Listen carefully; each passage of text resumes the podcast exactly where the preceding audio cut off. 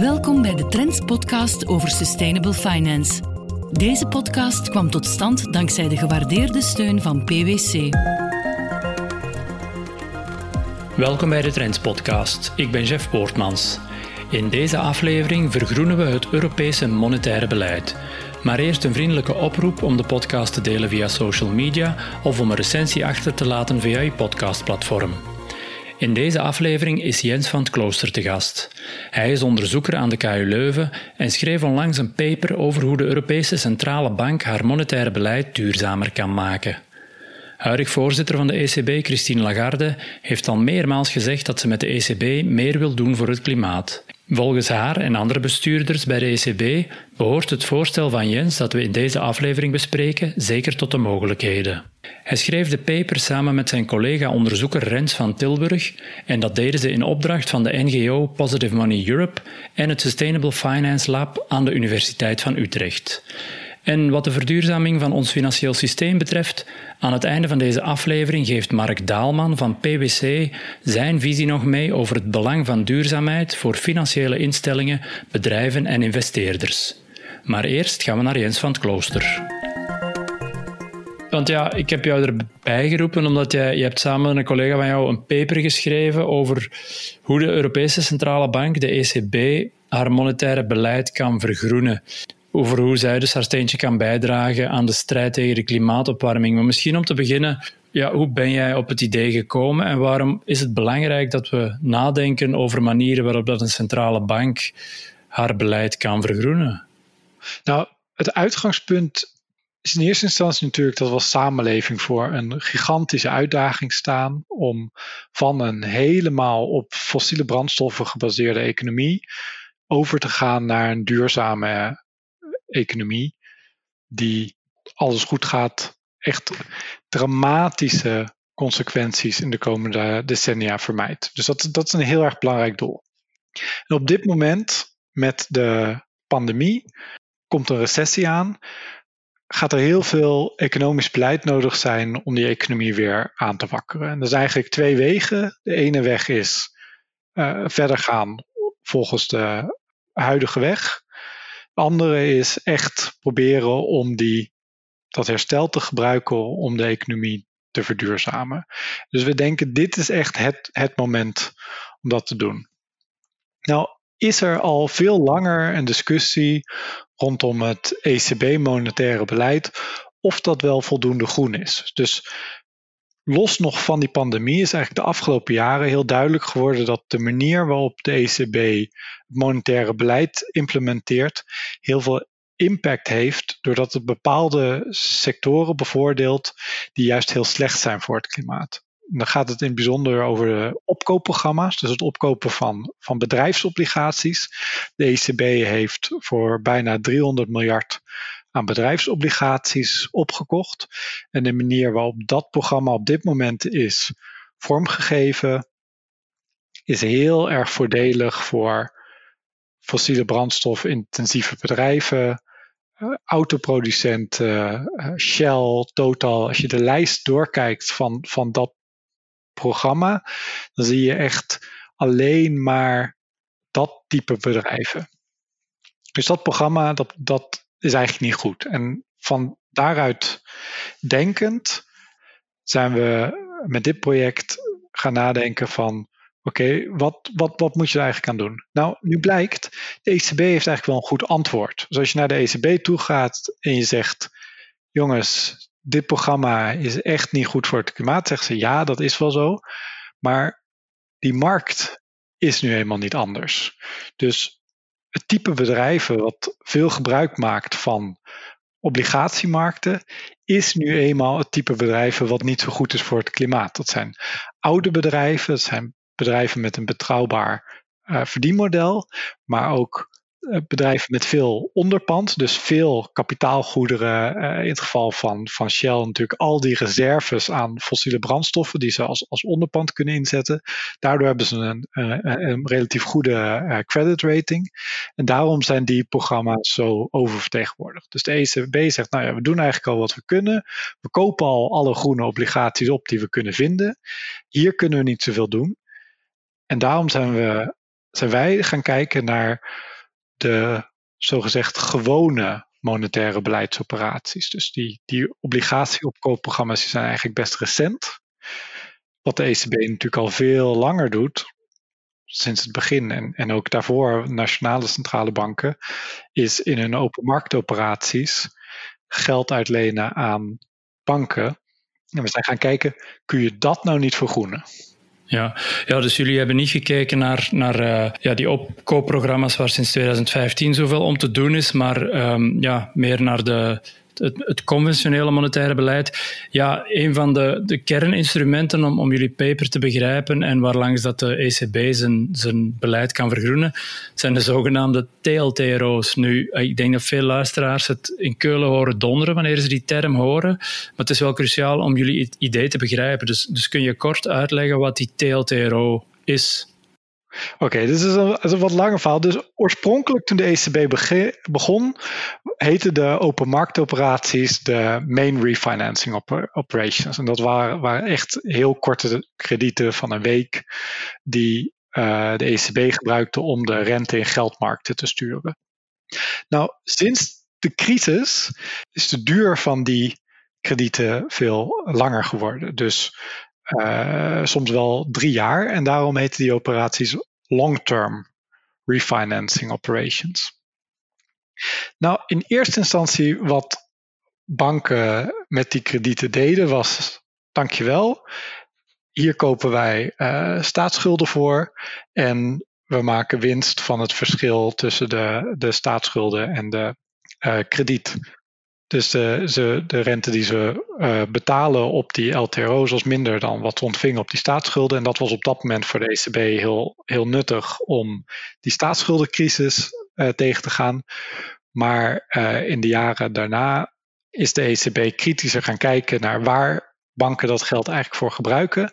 En zijn ze begonnen aan de zogenoemde targeted long-term refinancing operations.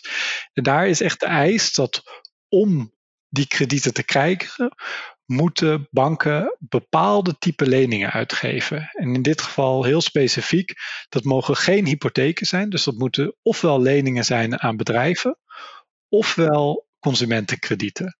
En op die manier uh, proberen ze dus te sturen wat banken met die kredieten doen. En daarmee denken ze op een effectievere manier dat prijsstabiliteitsdoel te bereiken. Ja, want hoe belangrijk zijn die TLTRO's geweest voor de banken in de afgelopen jaren? Nou ja, TLTRO's zijn op dit moment gewoon een heel erg belangrijk beleidsinstrument voor de ECB. Dus er is op dit moment, sinds de pandemie, voor 1,7 biljoen aan TLTRO-kredieten uitgegeven aan banken. Dus dit is een heel erg belangrijk uh, instrument van de ECB om de economie uh, aan te jagen. En daarom denken we daar moeten we echt eens naar gaan kijken hoe dat groener gemaakt kan worden. Dus hoe bepaalt, kan de ECB nou bepalen wat telt als een groene lening? Hoe kun je dat groene TLTRO-programma vormgeven? Dus hoe kun je die TLTRO's vergroenen? Wij zeggen eigenlijk heel eenvoudig. De EU is de afgelopen jaren, heeft heel veel tijd gestoken in uh, de zogenaamde groene taxonomie-verordening. En dat is een verordening die in heel veel detail uiteenzet wat nou een groene investering is. Dus in eerste instantie voor investeerders in uh, duurzame producten wil deze verordening duidelijk maken nou welk soort investeringen ondersteunen nou echt de EU-doelstellingen op dat gebied. En wij zeggen die TLTRO's, die kun je dus vormgeven relatief aan die groene taxonomie. Dus banken krijgen goedkope kredieten van de ECB, maar niet als ze leningen uitgeven aan fossiele brandstofbedrijven, aan helemaal niet duurzame kapitaalinvesteringen van bedrijven. Bijvoorbeeld ook als ze kredieten geven voor uh, verbouwingen van huizen die, die helemaal niet duurzaam zijn. Waar groene TLTRO's toegang te krijgen, daarvoor moet je echt groene leningen uitgeven die dus in overeenstemming zijn met die groene taxonomie. Dus het zijn eigenlijk criteria waar de banken mee kunnen aantonen dat de kredieten die ze geven aan consumenten en bedrijven duurzaam zijn en, um, Voor die kredieten kunnen ze dan goedkoop geld bij de ECB gaan lenen via die zogenaamde TLTRO's die dan groen zijn. Ja. Ja, een van de vragen, denk ik, en, en een van de vragen die steeds terugkomen wanneer het over de ECB gaat, is van ja, past dit wel binnen het mandaat van de ECB? Er is de afgelopen jaren heel veel te doen geweest over dat opkoopprogramma van obligaties. Er zijn zelfs rechtszaken voor gevoerd en dergelijke. Nu stelt dat, dit, dat ze deze richting uit beginnen denken, ja, ga je dan datzelfde argument niet opnieuw krijgen van ja, dit past niet binnen het mandaat van de ECB? Ja, um, er zijn de afgelopen jaren natuurlijk een aantal rechtszaken geweest tegen de ECB in, in Duitsland.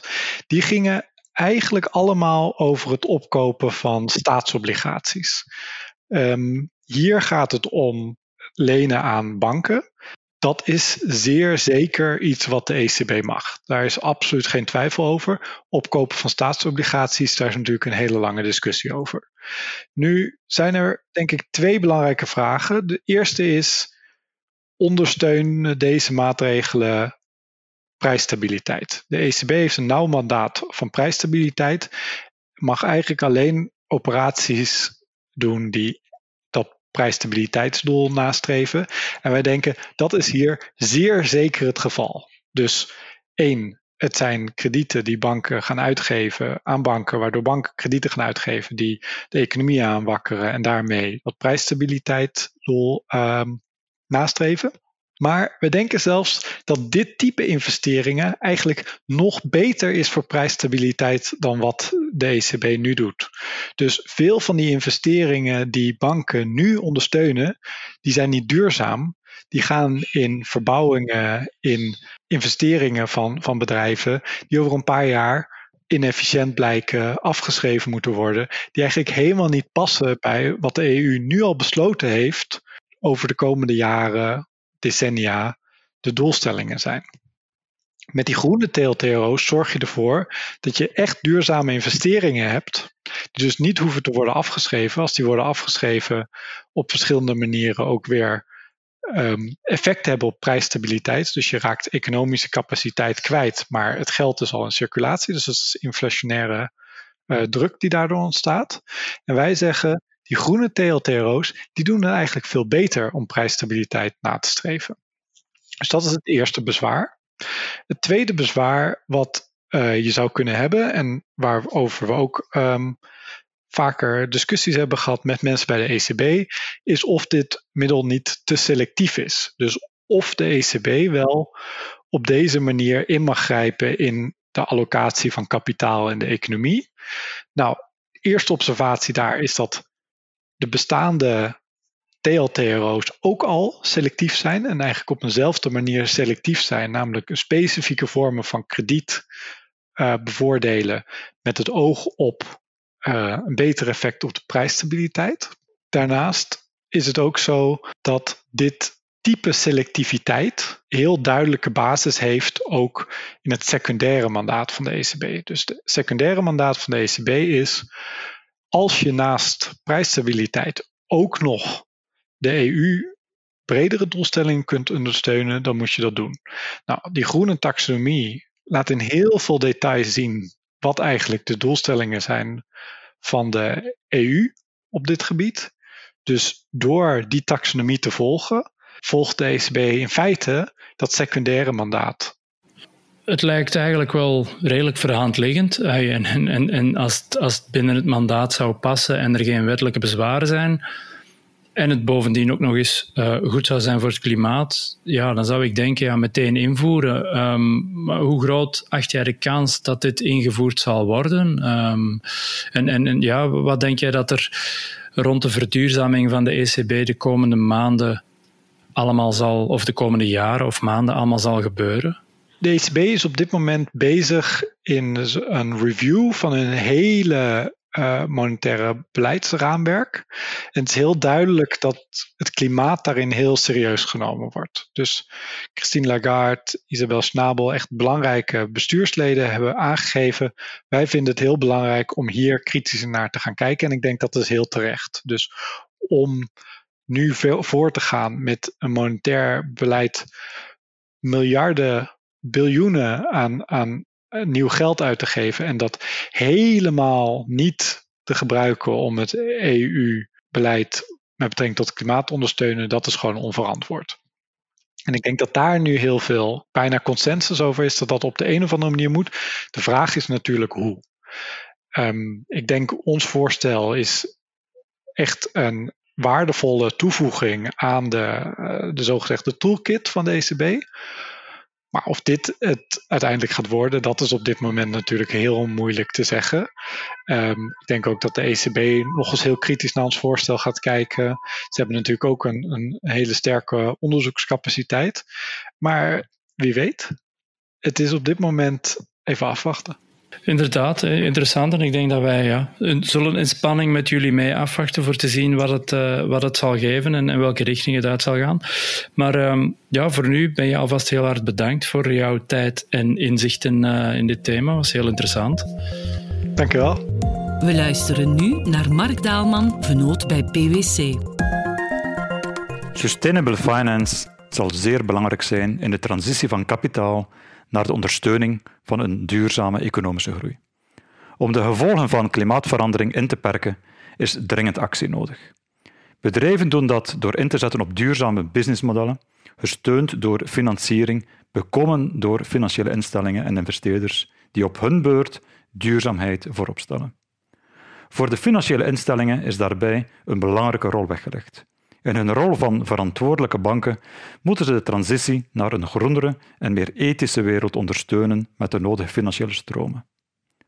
De financiële instellingen moeten hun strategie en producten echt ten gronde aanpassen. Ook in de beslissingen van investeerders weegt duurzaamheid alsmaar zwaarder. Met name bij private equity bedrijven duikt de term ESG consequent op doorheen de investeringscyclus. Zij begrijpen zeer goed dat belangrijke ESG-domeinen waarde kunnen vernietigen of creëren. Belangrijk dus dat ondernemingen een lange termijnvisie ontwikkelen, inclusief een transparante rapportering om toegang te blijven hebben tot de kapitaalmarkt. De succesvolle bedrijven zijn zij die sneller weerbaarheid ontwikkelen tegenover de risico's van de klimaatverandering of die sneller opportuniteiten identificeren. U luisterde naar de Trends podcast over sustainable finance. Deze podcast kwam tot stand dankzij de gewaardeerde steun van PwC.